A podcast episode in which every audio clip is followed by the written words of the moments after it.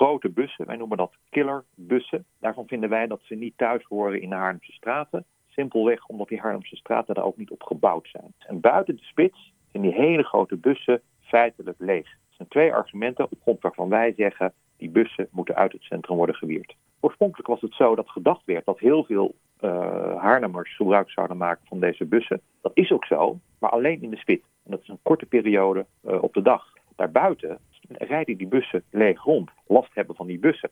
Wat mensen merken als ze aan het tracé wonen is trillingen. Een onveilige situatie als ze de deur uitlopen. Hè? Want soms moet je je voorstellen, rijden die bussen ook met, met vier, vijf achter elkaar. Is iets wat in de Haarlemse Staten niet past.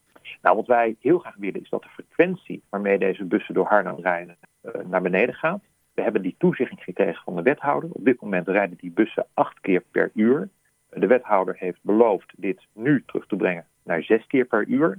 Nou, dat is een beginnetje, maar wij willen eigenlijk terug naar vier keer per uur. Wij vragen de wethouder om die concessie zodanig aan te passen dat er in Haarlem een veilige situatie ontstaat rondom die grote killerbussen. Hij gaat in de spits, wat ons betreft, van 8 naar 4. En buiten de spits rijdt hij helemaal niet meer. En maakt Connection, de concessiehouder, gewoon gebruik van die normale stadsbus. Zo'n enorme bus. Weg ermee wat ons betreft. Eerste stap, de frequentie naar beneden. Tweede stap, hele bus uit het centrum. Het is een dom plan geweest om deze bussen door Haarlem te laten rijden. En onze oplossing is frequentie terugbrengen van 8 naar 4. En buiten de spits helemaal niet meer laten rijden.